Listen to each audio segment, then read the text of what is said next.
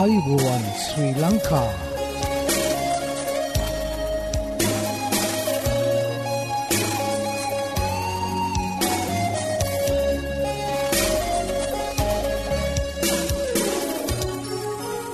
ඔබට සුපදස මේ ඇඩවෙන්ටිස් වර්ල් රේඩියෝ බලාපොරොත්වය හඬයි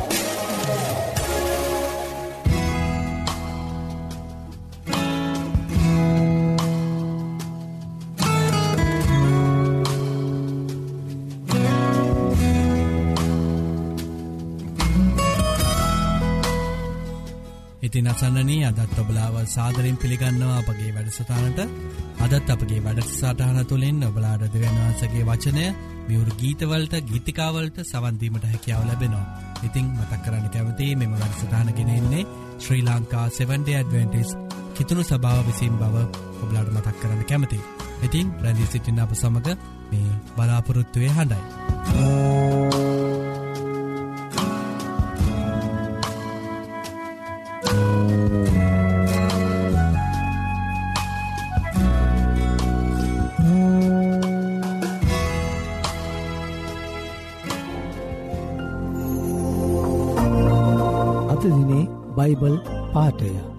අපේ බලාපොරොත්තුවේ ප්‍රකාශ කිරීම චංචල නොවන පිණිස එය තදින් අල්ලාගෙන සිටිමු. මක්නිසාද පොරොන්දුවදුන් තැනන් වහන්සේ විශ්වාසව සිටින සේක හේබ්‍රෙව් දහය විසිතුන.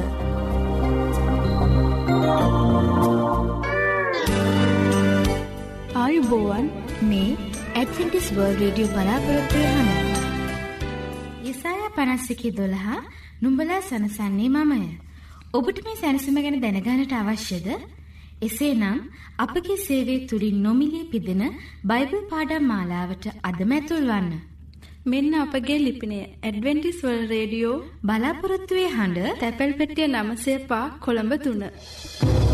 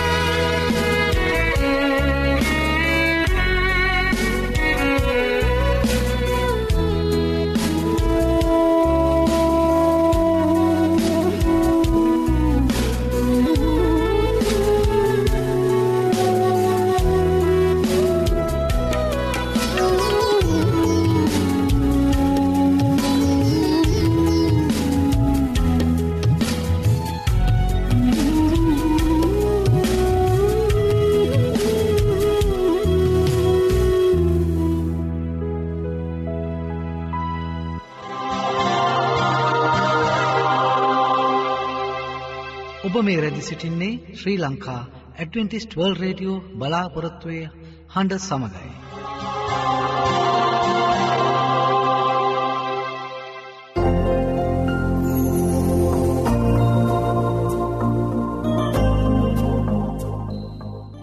ඉතින් හිතවත හිතවතිය දැන් ඔබට ආරාධනා කරනවා අපහා එකතුවෙන්න කියලා අද දවසේ ධර්ම දේශනාවට සවන් දෙන්න අද ඔබට ධර්ම දේශනාව ගෙනෙන්නේ හැරල් ෆිනෑන්ඩ දේවක තුමා විසින් ඉතින් එකතුවෙන්න මේ බලාපොරොත්තුවය හනට.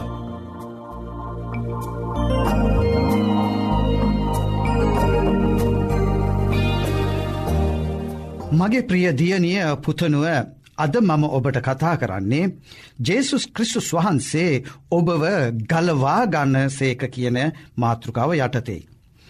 මේකත් ඇවිල්ලා දෙවියන් වහන්සේගේ පොරොන්දුවක්. ප්‍රිය හසන්නෙන මනුෂ්‍යයාගේ මුල් දෙමවපියන් මුල් පාපය කලායෙන් පසුව ඒ අය සාතන්ට අයිති වුණ. ඒ නිසාම ඒ අය පාපයට වර්දට වැටමින්. ලෞකික දේටත් මාංෂික තෘෂ්ණාවලටත් යටත් වුණ. ඒ වගේම ඒ අයගේ දරුවන්ද මනුෂ්‍ය පරම්පරාවම ඒ අයගේ ලේ කරනකොටගෙන ඉපදුන නිසාන් ඉපදුන නිසාවෙන් මනුෂ්‍ය පරම්පරාවම පාපේට අයත්වෙද. ඒ දෙමව්පියන් සමගින්ම ඒ සියලුම දෙනා ඒ පාපයේ උරුමකාරයන් බවට පත්වෙනවා. ඔවුන්ට ඔවුන්ගේ වර්ධකාරකම ඉදිරියේ තමන්ටම එයින් මිදෙන්න්නට ශක්තියක්ද උනේ නැහැ. මනුෂ්‍ය පරම්පරාවටම එම පාපයේ ආශාවෙන් ලෞකිකත්වයේ ආශාවෙන්ද මාංෂික තෘෂ්ණාවලින්ද අත්මි දෙන්නට නොහැකි වූ නිසා මනුෂ්‍යයා තවතවත් වැඩි වැඩියෙන් පාපය තුළ සිරවෙන්නට වුණා. තමන්ටම මොනම ක්‍රියාවකින්වත් පාපයේ ශාපයෙන් මිදෙන්නට නොහැකි වූ නිසයි අන්න ඒ වගේ මේ මුළු මිනිස් සමාජයම පාපය තුළ වර්ධකාරකම තුළ ටිකෙන් ටිකට වැඩි වැඩි වැඩියෙන්ම හිරවෙන්නට සිද්ධ වනේ. ඒ නිසා ඔබව ඔබගේ පාපයේ ශාපයෙන් මුදවාගන්නට දේව සලස්ම යටතේම ක්‍රිස්තුස් ජේසුස් වහන්සේ මෙලොව උපත ලැබුවේ. එතුමානෝ මෙලොවේදී ජේසුස් ක්‍රිස්තුස් නමින් සැබෑ මනුෂ්‍යයෙක් ලෙසෙන් ජීවත් වනා. එතුමා මනුකය ලබන්නට පෙර සිටියා වූ දිවස් ප්‍රසාධිවරයෙකු යෙසායා මෙන්න මෙහෙම එතුමා ගැන කියනවා. යෙසාය පොතේ හැට එකේ එක. ස්වාමි වූ දෙවියන් වහන්සේගේ ආත්මය මා කෙරෙහිය. මක් නිසාද දෙලිඳුන්ට සුභාරංචිය දේශනා කරන්නට ස්වාමින් වහන්සේ මා ආලේප කලසේක. බිඳුනු සිත් ඇත්තන් සුව කරන්ටද වහලුන්ට නිදහසත් හිරකාරයින්ට හිරගෙයින් මිදීමත් ප්‍රකාශ කරන්ටද කියලා ඒ සයා දිවස් ප්‍රසාධිවරයා එයාකාරයෙන් පවසද්දී යොහන් අපොස්තුළතුමා එතුමාගේ ස්ුභාරංචයේ අටවෙනි පරිච්චේදයේ තිස් දෙවැනි පදයෙන් තිස් හයවෙනි පදවලින් මෙන්න මෙහෙම ඔබව අමතනවා. නුඹලා සැබෑව දනගන්නවා ඇත. සැබෑවද නුඹලා නිදහස් කරන්නේ යයි කියන සේක. එහෙයින් පුත්‍රයා නොඹලා නිදහස් කරන්නේ නම් සැබවින්ම නොඹලා නිදහස් වන්න හොය කියලා. ඒ අතරතුර ඒකටම සම්බන්ධ කරල සුදු පාවුලුතුමා ඔබට මෙන්න මෙහෙම කියන්නේ රෝම පොතේ අටවෙනි පරිච්චේදේ දෙවිනි පදයෙන්. ජේසුස් ක්‍රිස්තුස් වහන්සේ තුළ වූ ජීවනදායක ආත්මයණන් වහන්සේගේ ව්‍යවස්ථාව පාපයේද මරණයේද ව්‍යවස්ථාවෙන් මා නිදහස් කලාය කියලා. දෙක කොරන්ති තුනේ දාහත ඔබට මෙන්න මෙහෙම අවවාද කරනවා. ඉතින් ඒ ස්වාමින් වහන්සේ ආත්මයණන් වහන්සේය. ස්වාමින් වහන්සේ ආත්මයණන් වහන්සේ ඇතිතැන නිදහස් කමද ඇත්තේය කියලා. රෝම පොතේ හයි විසි දෙක මෙහෙම කියනවා. පාපයේ කුලිය නම් මරණයය. නමුත් දෙවියන් වහන්සේගේ දීමනාව නම් අපගේ ස්වාමී වූ ජේසුස් ක්‍රිස්තුස් වහන්සේ තුළ සද්දාකාල ජීවනයය. යෙසාය දිවස්වරයා ඔබට මෙන්න මෙහෙමත් පවසනවා. යෙසාය නමේ හතරෙන්. ඔහුගේ බර වූ විය ගහද ඔහුගේ කරේ දණ්ඩද ඔහුගේ පීඩාකාරයාගේ යෂ්ටියද මිදියන්හි දවසේදී මෙන් ඔබ වහන්සේ කඩා දැමූසේක කියලා. ඒ අතරම ලූක්ස් තුමා ලෝක් සුභාරංචයේ නවගිවසුමේ මෙන්න මෙහෙම පවසනවා. ලෝක් සුභාරංචයේ හතරවෙනි පරිච්චි දහටවෙනි පදී. ස්වාමින් වහන්සේගේ ආත්මය මා කෙරෙහිය මක්නිසාද. දිලිඳුන්ට සුභාරංචය දේශනා කරන්නට උන්වහන්සේ මා ආලේප කළසේක. වහලුන්ට මෙදීම සහ අන්දයන්ට පෙනීම ලැබෙන බව ප්‍රකාශ කරන්ටද. මඩනා ලද්දවුන් නිදහස් කර හරින්නටද. ස්වාමින් වහන්සේගේ පිළිගත යුතු අවුරුද්ධ ප්‍රකාශ කරන්නටද උන්වහන්සේ මා එවුසේක කියලා. එමෙන්ම ලූක් සුභාරංචයේ දහවිනි පරිච්චේදේ දහ නමයත් මෙන්න මෙහෙම කියනවා. බලව. සර්පයන්ද ගෝනුසන්ද පාගන්ටත් සතුරාගේ මුළු ශක්තිය මැඩ පවත්වන්නටත් මා විසින් නුඹලාට බලයදී තිබේ. කොයි දෙකින්වත් නුඹලාට අන්තරායක් නොවන්නේ කියලා. ඒ වගේම මාක්තුමා මෙන්න මෙහෙම කියනවා මාක්සු භාරංචයේ දාසවනි පරිච්චේ දාහත්වනි පදයෙන්. අදහන්නාට ඇත්තා වූ ලකුණු නම් ඔවුහු මාගේ නාමෙන් යක්ෂයන් දුරු කරන්නෝය අන්භාෂාවලින් කතා කරන්නෝය කියලා. යොහන්තුමා එලිදරව්වෙන් මෙන්න මෙහෙම කියනවා එලිදරවෝ දොළොස්සනි පරිච්චේ දහටවෙනි පදීන්.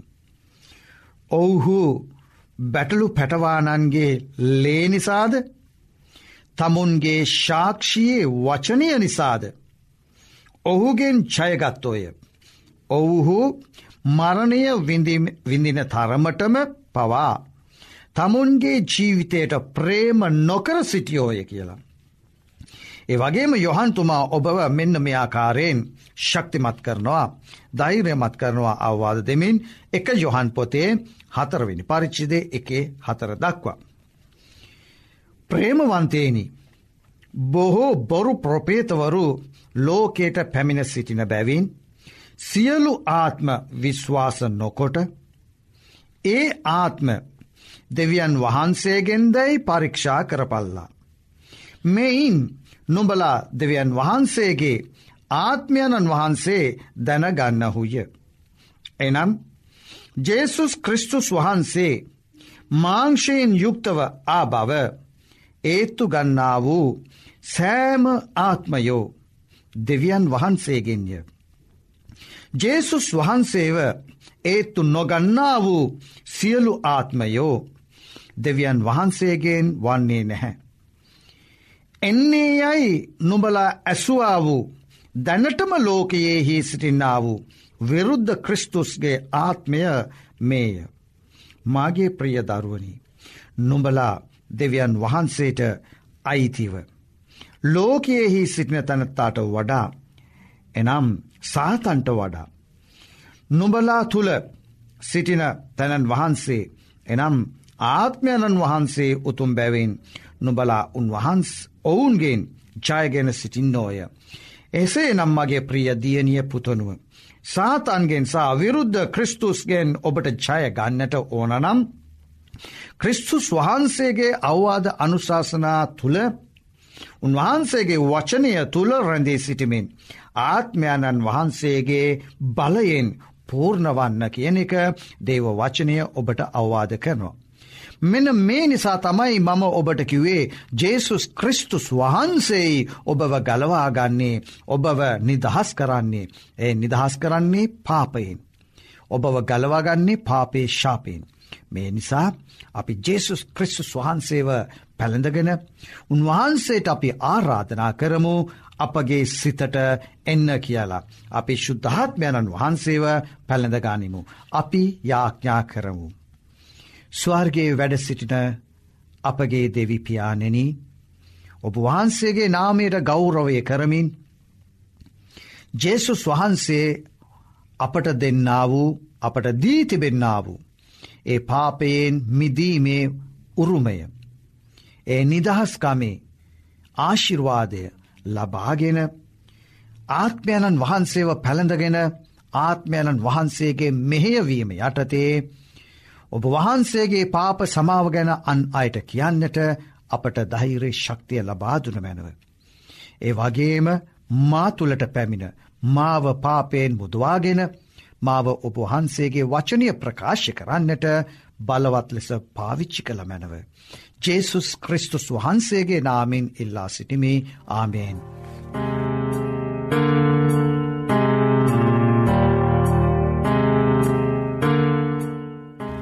සත්‍යය ඔබ නිදස් කරන්නේ යසාය අටේ තිස්ස එක. මේ සත්‍ය සොයමින් ඔබ අද සිසිින්නේද? එසේ නම් ඔබට අපගේ සේවීම් පිදින නොමලි බයිබල් පාඩම් මාලාවට අදමැතුල්වන්. මෙන්න අපගේ ලිපිනය ඇඩවෙන්ටිස්වල් රේඩියෝ බලාපොරත්තුවය හඬ තැපැල් පෙටිය නමසේපා කොළඹ තුන්න.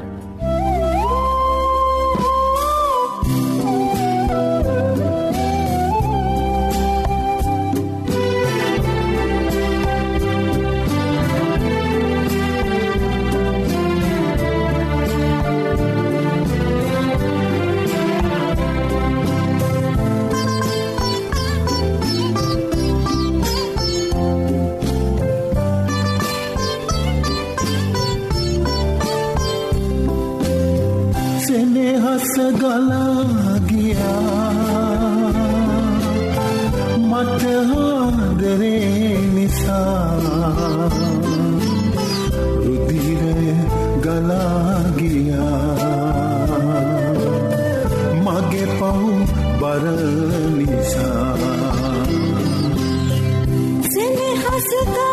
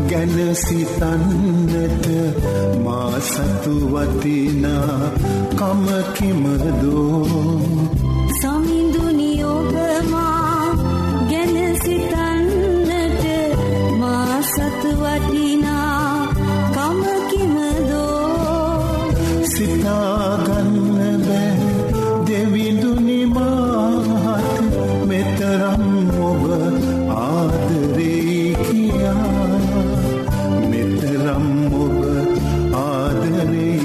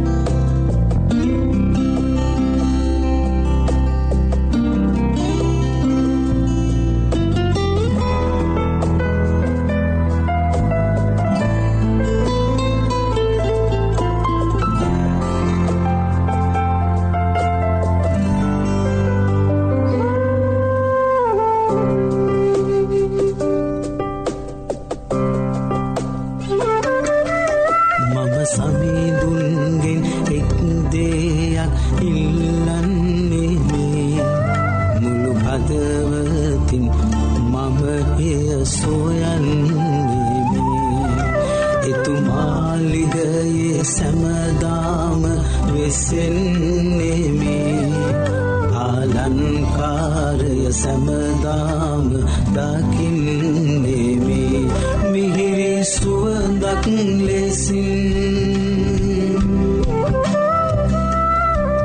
ඔබ නම දින්නෙමි පූජාවක් වෙලා.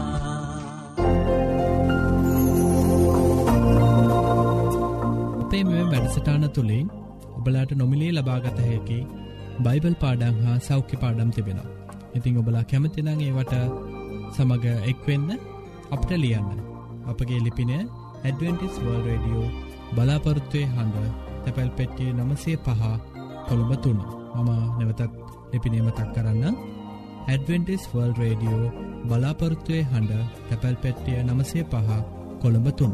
ඒ වගේ මොබලාට ඉත්තාමත් ස්තුතිවන්තවෙනවා අපගේ මෙම වැඩසටාන දක්කන්නව ප්‍රතිචාර ගැන අපට ලියන්න අපගේ මේ වැඩසටාන් සාර්ථය කර ගැනීමට බලාගේ අදහස් හා යෝජනා අපට අවශ්‍ය. අදත් අපගේ වැඩසටානය නිමාව කරාලඟාව ඉතිබෙනවා ඉතිං පුරා අඩහෝරාව කාලයක් අප සමඟ රැඳී සිටිය ඔබට සූතිවන්ත වෙන අතර හෙටදිනෙත් සුපුරෝධ පරිති සුපුරෘදු වෙලාවට හමුවීමට බලාපොරොත්තුවයෙන් සමුගන්නාම ප්‍රස්ත්‍රියකනායක. ඔබට දෙවියන් වහන්සේකි ආශිර්වාදය කරුණාව හිමියේවා.